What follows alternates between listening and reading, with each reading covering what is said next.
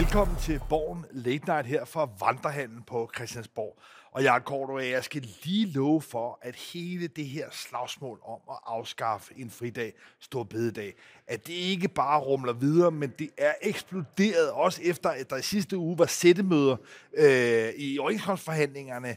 Men jeg skal lige love for, at både højrefløjen og venstrefløjen har kastet sig over øh, regeringen. Hvad er det, der, der, der sker i hele det her øh, ballade slapperakel? Jamen her er der jo en, øh, en sag, som øh, både højre og venstrefløj jo kan være øh, øh, imod, øh, og, og så har man øh, også fagbevægelsen med som, øh, som gode marker. Altså jeg vil næsten sige, at nogle af de hårdeste kritikere, det er jo, det er jo faktisk fagbevægelsen. Også altså, kirken på den anden og side. Kirken, ja, kirken, det er jo, det er jo en, en, en, en ret stor, bred koalition, kan man, kan man sige. Øh, men øh, Jeg ved ikke, om det er en hellig eller en uheldig alliance, men det er i hvert fald en alliance. det, det, det er en alliance, og, og, og, og derfor så gælder det nok også for øh, regeringen at, øh, at bryde den alliance.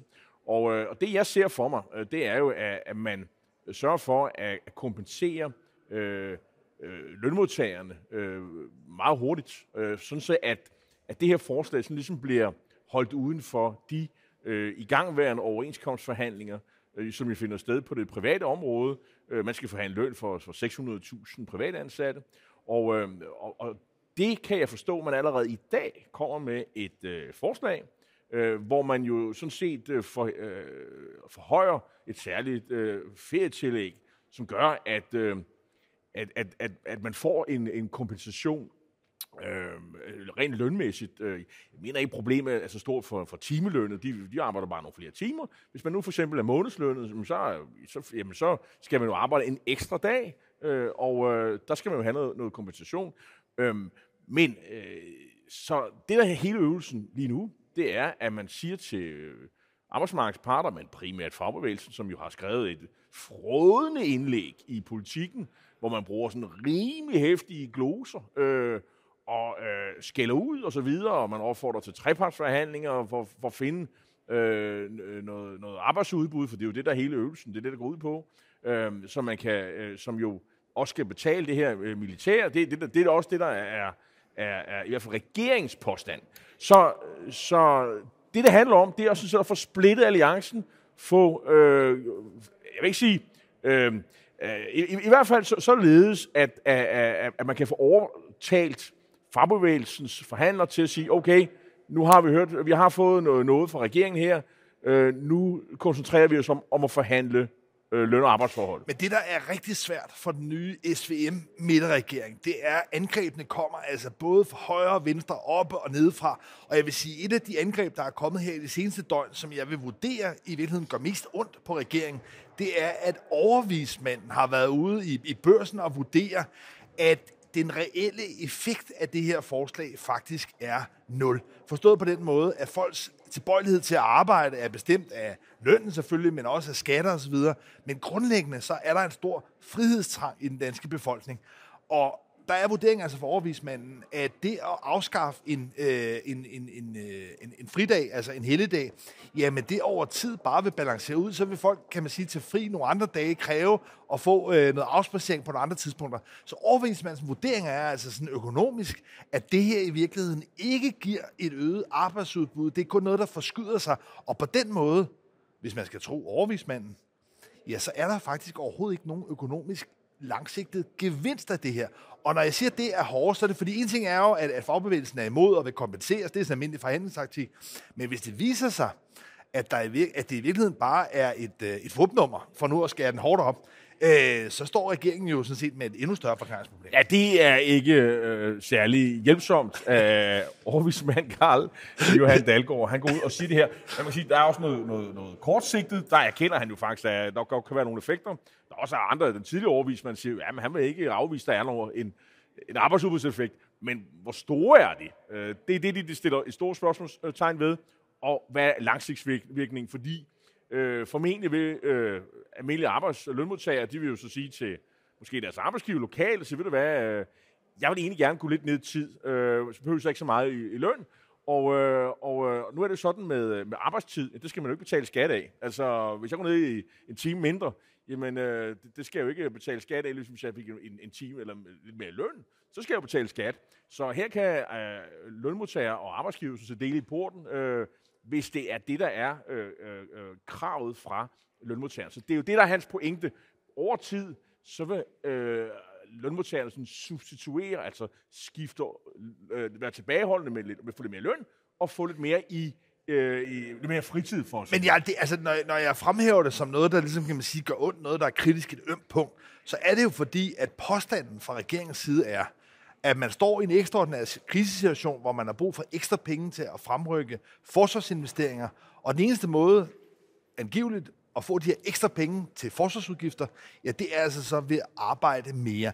Men hvis det her forslag så reelt ikke giver noget ud af arbejdsudbud, og dermed heller ikke nogen ekstra penge, ja, så er man i virkeligheden spillet tilbage til start, og skal så finde pengene på en anden vis. Ja, altså, og, og man er sådan ved tabe diskussionen om, hvorfor, hvorfor er det nødvendigt, ikke? Ja. Og, det, og, det er jo, og det er jo det, der er problemet, og jeg synes heller ikke, det sådan vælter ud med menige folketingsmedlemmer, der fra regeringspartierne, som, som virkelig... Øh, ja, hvorfor gør man det så? Hvor, Fordi man kan sige, man har et forslag, som jamen, måske ikke rigtig virker, jamen, jamen, og som er ekstremt upopulært. Fordi nu, altså, i politik, er der jo det, der hedder rørt brik skal flyves. og, og, nu har man altså... Man kan jo ikke bakke, vel? Det men der, kan, det kan man har rørt med ned flere brikker næsten. man har simpelthen blevet enig med sig selv øh, om... Man har jo forhandlet de her måneder, det ved vi jo alle sammen. Og på et eller andet tidspunkt, så er det her forslag øh, kommet på banen, og der er jo diskussioner om, hvor det kommer fra. Jeg gætter på, det er det er formentlig Finansministeriets økonomer, som har sagt, jamen, vi skal finde nogle penge, er der nogen, der har en gode forslag? Hvad med det der gamle forslag fra øh, Helle thorning tid, om at afskaffe en helligdag. Kunne vi bruge det? Ja, godt. Og så siger vi det. Og så, og så komponerer det, og så, og så siger vi, så vi skal have solgt skidtet. Øh, og så siger vi så, at øh, det skal gå. Vi, vi skal jo, øh, alle kan forstå, at, at, at der er jo krig i Ukraine, og vi skal have talt for det her forsvar, og det er vigtigt for Venstre osv. Og, og Socialdemokraterne siger, at det der med at skære i de sociale ydelser, sådan, det er vi ikke med til. Men øh, måske øh, kan vi lige, øh, altså Torning og øh, og, og, og SF's daværende formand, Ville Sømle, de havde det her, kan du lige arbejde 10 minutter mere? Så 12 minutter var det. 12, 12, 12 minutter. Så har vi løst alle problemer. Så det er lidt det samme øh, forslag ja. på en eller anden led. Men øh, det, der er jo også øh, lidt problemet nu, det er jo, at armen af de her penge, som man så kan diskutere ja. om, ja. de skal også bruges til andre ting. Ja. Altså. Det skal bruges til klima. Og psykiatri. Og, ja, lidt velfærd og sådan noget. Ja, ja. Og lige pludselig så er sådan, okay, okay, altså hvad, hvad, hvad er det her for noget? Altså, øh, og, og, det, derfor så regeringen har jo et problem, øh, synes jeg, at jeg tror, at de skal passe på med, øh, hvad det er, de vil kommunikere. Altså, altså hvad er det øh, nu? Øh, hvorfor er det, vi skal gå ned i, i løn? Øh, vi skal, hvorfor vi skal gå ned i øh, gå, gå op i arbejdstid? Øh, hvorfor er det, den her øh, øh, øh feriedag skal ryge? Øh, det tror jeg, at de skal være skarpere på i deres kommunikation fra nu af. Ellers så øh, kan de risikere at tabe øh, hele diskussionen. Og jeg tror, der er meget troværdighed i regeringen, der er bundet op på det her, Lars. Fordi, ja, absolut. Fordi, fordi, som jeg siger før, de kan ikke bakke. Altså, hvis det er sådan, at den her brede koalition, vi startede med, og præsterne og øh, fagbevægelsen og højre og venstrefløj, hvis regeringen øh, bliver nødt til at bevæge sig tilbage, jamen, så vil man jo sige, jamen, den har jo, så vil den have mistet troværdighed, og vil man så kunne komme bagefter og sige, næste gang de foreslår et eller andet reform, øh, så kan vi presse den. Det her det er en reformregering, som er blevet til i en krisetid. Det er i hvert fald det, der er øh, helt baggrunden. Og, og hvis det er sådan, at man kan sådan et, et, et helligdagsforslag, at det bare øh, forsvinder, fordi der kommer lidt, øh, lidt, lidt pres jamen så, så er det jo tæt på Men jeg vil komme... at, at, at krakelere hele fortællingen om regeringen. Jeg vil komme med, med to forklaringer på, hvorfor vi gør det. Altså den ene, det er i virkeligheden den her, altså lad os bare kalde den lidt simple forklaring, det var, hvad man kunne blive enige om, hvis man skulle skaffe nogle flere penge. Det er altid noget, der er kontroversielt. Det her kunne man så selv blive enige om. Og så har man måske også undervurderet lidt, det er i hvert fald den gode, simple forklaring, undervurderet lidt, hvor meget modstand det vil skabe. Men så er der en anden forklaring, som for mig at se måske begynder at have lidt mere tyngde. Det er en lidt mere øh, spydig forklaring. Og det er, at man i virkeligheden fra den her regerings side har ønsket at fremkalde en reaktion fra yderfløjene. Man har simpelthen haft brug for at legitimere og begrunde, hvorfor var det den her ekstraordinære situation, hvor Venstre og Socialdemokratiet gik sammen, og fremkalde en krise i virkeligheden, og vise, at man i en krisetid, hvor man skulle lave reformer, træffer nogle beslutninger, ja, som er upopulære, som er demonstrativt upopulære, og hvor både venstrefløjen og højrefløjen er imod, stiller sig udenfor, og så kan man ligesom gennemføre det. Så man formår, formår i virkeligheden med sådan en anskuelighedsundervisning at vise, hvad er det, en midterregering i virkeligheden kan gøre, som man ikke under normale omstændigheder vil gøre. For jeg kan godt love, at hverken en traditionel blå regering eller en traditionel rød regering vil slippe igennem med det her.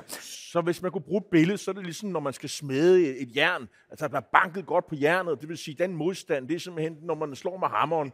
Altså, man smeder jern, og det står lidt klar ja. øh, for folk at nå, det er derfor, vi har en midterregering, fordi den møder så meget modstand, hver gang man prøver på at skrue på et eller andet tandhjul, ja. og går ondt på, på, på nogen. Så hyler men, og skriger de. Ja. Men det forudsætter jo også, at der er den her krisebevidsthed ja. i befolkningen, og øh, jeg synes jo, det er lidt, altså, altså, nu så lige arbejdsløshedstallene her forleden dag. Altså, beskæftigelsestallene, de, de, de, de er stadig meget pæne. Øh, stort set samtlige nøgletal, inklusiv statsfinanserne, er jo, er jo blinde. Ja. Så det her, det er jo noget med, jamen, om et, i løbet af et års tid, så kommer den store nedtur, og vi international korrektur, konjunkturnedgang, samtidig med, at vi kan se, at kineserne pludselig åbner op og begynder, og der sker en hel masse i, i, i kinesisk økonomi, selvom at folk måske øh, desværre også dør af corona og sådan nogle ting. Det, det kan godt være det rigtigt. Men men, men er vi sikre på, at vi får den der økonomiske nedtur? Fordi, Jamen, altså, vi, fordi vi, det, jeg, jeg, det, det, det er rigtig sket. Men vi er ude i et, i et syret paradoks, fordi under normale omstændigheder, der vil det jo være fryd og gammel for en regering, at nøgletallene er så gode. Mm. Så vil man se en regering, som kan man sige, altså, øh, strålede sig selv i, at man på den måde havde fået skabt en økonomi, hvor der var høj beskæftigelse, hvor der var overskud på, på budgetterne. Men den her regering har altså brug for i virkeligheden en krise, fordi hvis der ikke er krise, hvis der ikke ligesom, altså, er penge, og det hele, kan man sige, stander i våde, jamen, hvorfor skulle man så overhovedet danne den her midterregering? Så kunne man så, så køre videre med en ren rød regering. Ja, så på den måde kan man sige, at både Mette Frederiksen, men i høj grad også Jacob Ellemann, altså venstreformand, har faktisk brug for, at det ligesom knækker lidt sammen, så man kan se, at der er brug for det. Og der mener jeg bare, med den her konflikt omkring Stor Bededag, der har man i virkeligheden fået simuleret, man har i virkeligheden fået skabt en situation, hvor man får i hvert fald flækket det politiske landskab op. Fordi noget, man jo har gjort, som ser ud til at kunne blive meget kontroversielt i de kommende uger, det ser ud til, at man har lavet en sammenkobling mellem at skulle stemme ja for det her forslag om at afskaffe Stor Bededag, og så at være med i forsvarsforlidet. Hvad er det, der foregår her? Ja. Og det er jo også det ved det, at de har fra starten af jo begrundet øh, afskaffelsen af Stor Bededag med, at det skal finansiere forsvaret. Og, og det bliver jo bare understreget her, hvor man siger... Hvad er det, man gør? Ja, ja, man siger, hvis, hvis man skal være med til at dele de her mange hundrede millioner kroner, eller milliarder kroner over årene frem til 2030, fordi det er jo, det er jo et kæmpe beløb øh, i milliarder. Øh, øh, hvis, og, og det er jo en... Øh, altså, politikerne er meget glade for at, og, og, hvad skal man sige, øh, øh, købe materiel og, og, og bruge penge, og specielt hvis man er borgerlig politiker, så vil man meget gerne bruge penge på forsvaret konservative har indtryk af, men også Dansk Folkeparti og Nye Borgerlige og, og, og, og Danmarksdemokraterne. Danmarksdemokraterne, de vil gerne være med til at åbne kaserner osv. osv. Øh, købe fly, hvad har vi? Øh, og der er altså øh, den bod, man skal betale, øh, entrébillet, det er okay at stemme for, øh, Stor Bededag bliver afskaffet. Det synes jeg, det er, er lagt op, og, og det har jeg indtryk af, øh, når jeg har talt med folk i tæt på regeringen, det er, Jamen, det er det, man vil. Og, det, og, og på den ja. måde, så skilles forerne fra bukken, for du stiller jo sådan set nogle af de her partier et, et dilemma. Øh, vil jeg være med til at shine, når der skal deles penge ud, og jeg er forsvarens allerbedste ven? Øh, eller vil jeg fastholde min kritik af regeringen, og, øh, og, og, og, og at jeg, jeg er imod øh, afskaffelsen. Og igen her har vi altså paradokset. Normalt vil man også have en midterregering, som faktisk ønskede meget brede forlig. Men jeg er helt overbevist om, at der er flere af de folk, der sidder i toppen af regeringen, som i virkeligheden ønsker sig, at der er nogle af de partier, du nævner her, for eksempel Inger Støjbergs Danmarksdemokraterne, men også øh, Nye Borgerlige, Dansk Folkeparti, at de i virkeligheden bliver skaldet fra, bliver sorteret fra, at de ender med at sige, nej, vi vil ikke stemme for det der med bededag, og dermed ikke kan være med. Så på den måde er der i virkeligheden en del af den her drejebog, som handler om, at der ikke skal være så mange partier med i forsvarsforhandlinger. Og prøv at lægge mærke til, hvem der, der sidder for bordenden af de her forsvarsforhandlinger. Det er selvfølgelig finansministeren, han sidder altid med, når der skal bruges penge. Det gør Jakob Ellemann Jensen for Venstre. Han er forsvarsminister, og øh, jeg har indtryk af, når man sådan, øh, sådan sige, øh, lytter til, hvad Inger Støjberg gør. Hun er jo nok hans, øh, Ellemanns allerstørste kritiker, og, og det er mit indtryk af, at, øh, at Danmarksdemokraterne har fokus rettet mod Venstre. Øh, de vil spise mest muligt af utilfredse venstrevælgere, og nogen vil sige, at det er lykkes øh, ret godt, i hvert fald i forbindelse med valget. For, for Jacob Ellemann vil det måske være en lidt fjerde i hatten, hvis han kan skalle hende af, samtidig med, at, øh, og det er også et indtryk, jeg er blevet bibragt, det er, øh, også efter at have lyttet til, øh, hvad Inger Støjberg siger, øh, også offentligt, det er, at hun forestiller sig en eller anden form for alliance mellem Liberal Alliance, Danmarksdemokraterne og Konservative. Og hvis man kan splitte den alliance ved, lad os nu bare sige, at de konservative kommer med et forsvarsforlig, men det gør Liberal Alliance og Danmarksdemokraterne ikke, øh, og måske Dansk Folkeparti går med, hvad ved jeg? Jamen, så har man jo, øh, som siger fået splittet den alliance, som hun er ved at bygge op, øh, som skal være sådan en blå alliance, vendt mod Venstre, vendt mod øh, Moderaterne. Så det er jo også en, øh, en effekt af det. Og så er der jo selvfølgelig også øh, fra Socialdemokraternes side, jamen der har du så SF. SF er sådan et parti, der ligesom lukrerer lidt øh, på, at når Socialdemokraterne er lidt for blå, så falder der nogle stemmer af. Vi, og SF har brugt meget, meget lang tid på at være regeringsstudie, at være med i forlig, og det kan være forsvarsforlig. Noget, de har været med i efterhånden, ja, det ved jeg, 10, 12, 14 år, tror jeg, tilbage i Søren Gades tid, kom de jo med i forsvarsforliget. Skal de nu ryge ud af det, øh, fordi de ikke kan stemme for øh, afskaffelse af store bededag? Jamen, det er jo også et dilemma, som man stiller SF. Og jeg, øh, jeg tror, det vil ende med, at, at SF i den samlede pakke heller vil være med i forsvarsforlidet, end, men det er et svært valg, at det er et reelt dilemma, forstået på den måde, at dermed vil SF jo også risikere at skubbe mange utilfredse folk i fagbevægelsen over til enhedslisten. Så, så, så man kan sige, at vi har mange balancer at gøre her, øh, men, men pointen her er, at regeringen, som altså signalerer og vil have det brede samarbejde med regeringen, at de i virkeligheden ønsker, altså om ikke et så smalt øh, forlig som muligt, men de ønsker i hvert fald, at, øh, at yderfløjene ikke skal være med i det her forsvarsforlig. Men der sker jo også noget andet. Det er jo, at det er jo ikke fordi, at, at man her på Christiansborg sådan bare siger, Nå, men øh, det er jo sådan, at regeringen har lyst til at, at forhandle og sådan noget. Altså, det er jo de konservative formand Søren Pape, han har skruet sig op og siger, bøllemetoder. Bøllemetoder. og, og, og, og, og ja, Nye Borgerlige har sagt, at det, man skal spise en skovsnegl for at være med i hulen. Og skovsneglen, det er selvfølgelig det her forslag om øh, afskaffe af dagen. Og hulen, det er selvfølgelig øh, det her forsvarsforlig, hvor man gerne vil være med. Og Skovstein er jo tilbage fra, øh, fra Zappa. Øh, Peter August, film, som de fleste, øh, i hvert fald i vores øh, generation, har, har set. Ja. Øhm, så, øh, og, og, og spørgsmålet er jo, altså, nu hørte jeg Søren Pape, han, han, han, han sagde det her, øh, altså, hvad sker der, hvis han jo må acceptere de her ting? Så har han sagt, det er bøllemetoder. Så vil han altså forhandle med en regering, der bruger bøllemetoder. Øh, altså, er det særlig gennemtænkt at, at sige sådan noget øh, ved det start? Jeg er med på, at man kritiserer det, men altså, skal man ikke sådan måske holde nogle lidt mere sådan, kritisk? Sådan, er, er, er, det, er det ikke sådan for skæng og kritik? Jo, det, det, det, Folkeparti? det, der i hvert fald kan man sige er problemet, både for Søren Pape og for mange af de andre, det er, at man nu ligesom har fået skabt en situation, hvor regeringen simpelthen ikke har, kan man sige, troværdighed til at droppe det her. Altså regeringen bliver nødt til ligesom at bulldoze det her igennem, og derfor tror jeg, vi kommer til at se et forløb, hvor de insisterer på, at først skal man på en eller anden måde sige ja til det her med at afskaffe bededag, før man får lov til at træde ind i forhandlingslokalet.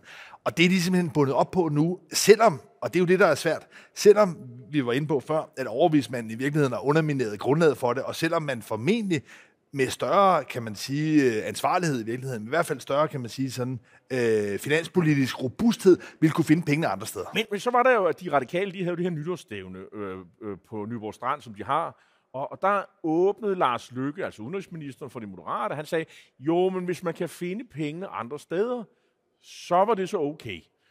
Så kunne man forestille sig, at de penge til forsvaret, de kunne findes et andet sted. Var det en åbning, eller hvor seriøst skal man tage den åbning? Det er jo, der er nogen, der, der tolker det som, ah, men øh, vi behøver ikke at, at acceptere det der helligdags forslag. Øh, vi kunne prøve at finde penge på en anden måde, og så kan vi måske komme med alligevel. Ja, men der er ikke nogen tvivl om, at realpolitisk ville man, altså, og nok også med måske større fornuft, kunne finde de penge mange andre steder. Så Lars, når Lars Lykke laver den der lille åbning, så er der ingen tvivl om, at det ville kunne lade sig gøre. Altså, Lars Lykke har tidligere lavet, både som finansminister og statsminister, en masse forlig osv., hvor man har været kreativ. Men jeg tror, man skal se det her som et symbolsk spil for regeringen, for Mette Frederiksen, der er det nu blevet et øh, projekt, der handler om at få manifesteret, at der er en midterregering, der er en midterregering, der i krisetid er villig til at lave kontroversielle reformer, og så er der nogle øh, andre partier, som ikke er med inde ved det voksenbord. Og nu snakker du om øh, voksenbordet, og nogen, der ikke vil være med. Og en af dem, der ikke ville være med i sidste ende, det er jo det radikale. Og, øh, og vi har været omkring det før. Øh, og, og så, ja, man skulle jo tro, at, altså man skulle jo tro, at de radikale havde en eller anden interesse for at få lukket det der ned og komme videre. Men øh, i forbindelse med der, det her nytårsstævne, som de, de havde her på Ny, Nyborg Strand Hotellet, jamen så var Christian Friis Bak øh, ude at fortælle sin version af begivenhederne øh, på forsiden af politikken, ikke, øh, ikke mindre, hvor han jo sagde, at stod det til ham, jamen så skulle man have været gået med. Og, øh, og han forstod sådan ikke rigtigt, hvorfor man ikke var gået med. Og, og der er jo den her, øh, som sige, der er ligesom to fodboldhold, der spiller hos de radikale. Der er dem, man kunne kalde for realisterne, og dem tilhører Christian Friis Bak. Øhm, og så er der idealisterne. Det, det er så nogle andre. Formentlig nogle af de der tre øh, øh yngre kvinder, der blev tilbage, og som ikke var oppe på Marienborg forhandle. Øh, fordi da de tre forhandlere kom hjem, ja, så var sat der tre andre. Ja, mit indtryk er, at Sofie Carsten Nielsen har blandet sig udenom øh, det her. Øh, det er mit indtryk. Øh, det kan selvfølgelig have måske holdninger. Men i hvert fald, så skete der noget, da de kom tilbage, og de kom ikke med i regeringen. Men øh, der er jo andre øh, fra de andre partier, som siger, øh, som har været meget, meget flinke at fortælle øh, øh, pressen, at noget af det, Martin øh, Lidegaard sagde, det var, at, at nu gør vi det, venner. Altså, nu går vi i regering, øh, hvad, han er jo blevet meget vred over, og, og han vil ikke sige, hvad han har sagt og sådan noget, og har prøvet at forklare sig osv. Men Christian Friis Baks udlægning i politikken, øh, måske har han ikke sagt, hvad Lidegaard sagde i or, ord, men han giver indtryk af, at det var også hans opfattelse, at, der, at de skulle lave en, at de var gået med i regeringen, at de, når de kom tilbage igen, så var det sådan set øh, klappet af. De skulle regering. Det var de tre forhandlere enige i, og det var også det, de gav udtryk for, jeg, når de var der. Jeg, jeg, jeg er enig i, at man godt kan opstille det som, at der er to hold, realisterne og idealisterne. Problemet er bare, at begge hold er amatørhold. Altså, realisterne har ikke handlet specielt realistisk. Idealisterne har heller ikke formået, kan man sige, ligesom at håndhæve nogle højere principper. For realiteten er, at da man øh, sidder og forhandler op på Marienborg, ja, der er det fuldstændig rigtigt. De radikale ender med i den forhandlingsgruppe, der er, som er tre. Det er Martin Lidegaard, det er Christian Friis Bang, og det er Samia Narva. De tre, ja, de ender med at sige til de andre, den er hjemme. Vi er enige. Samia Narva har vi ikke rigtig hørt for, men øh, har du indtryk af, at hun også... Øh var på vej, måske på, på ministerholdet, eller hvad? Ja, altså hendes øh, sidste replik op på Ruineborg skulle have været til de andre, at nu skulle hun ud og købe en kjole, fordi hun skulle til dronningen øh, dagen efter. Og, øh, tøj, når man kommer ja, til dronningen. og øh, det nåede hun jo så ikke, fordi... Så da hun man, skulle have været den ene minister sammen med øh, Martin Lidegaard, det var det, der lå i kort. Ja, men det var der altså ikke enighed om i en radikal folketingsgruppe. Og på trods af, at øh, Martin Lidegaard, sådan set, det er min klare vurdering, havde et flertal på fire ud af de syv, så turde han ikke gøre det, han ville ikke gøre det. Og lad mig lige minde om, at selv sammen Martin Lidegaard for få år siden skrev en bog, der hed Lad os mødes på midten.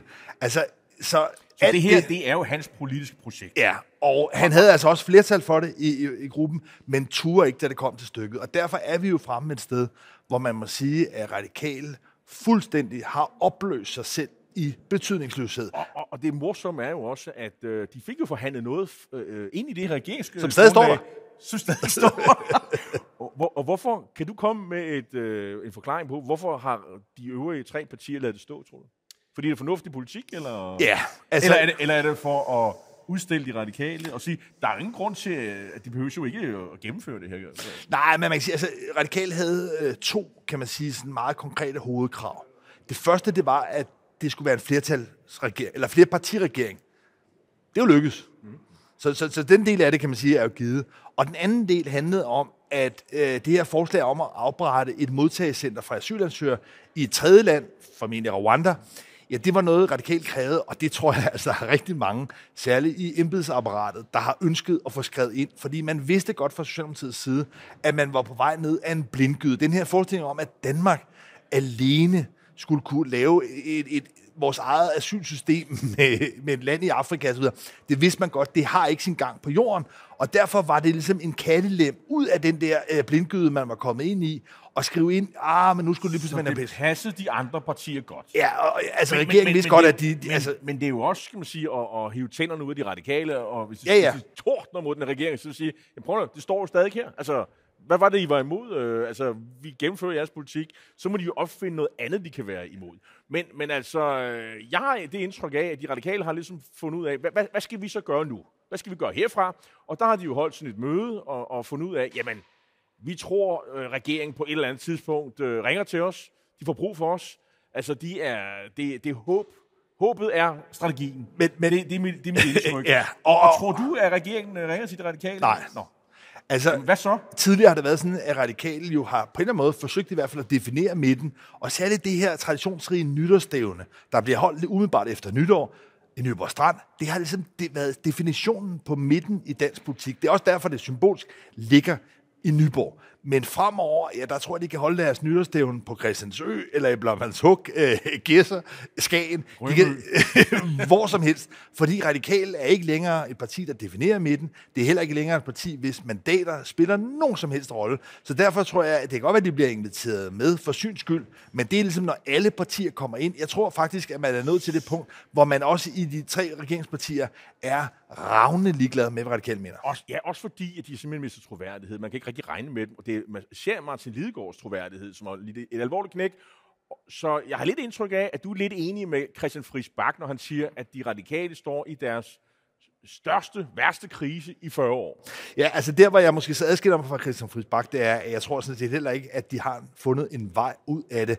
Jeg tror, at det håb, du snakker om, som er deres strategi, det håb, det er et meget fromt håb. Vi må se, om regeringen øh, ringer øh, efter en ven. Øh, indtil videre har regeringen jo flertal.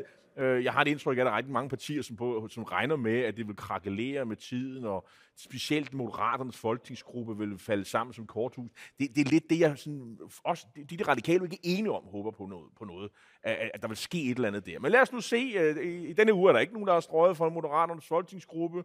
Øh, jeg ved, om det sker i næste uge, det tror jeg ikke. Vi vil sige tak øh, for nu her fra Vandrehallen på Christiansborg. Tak fordi I så med, og vi er tilbage igen på næste tirsdag.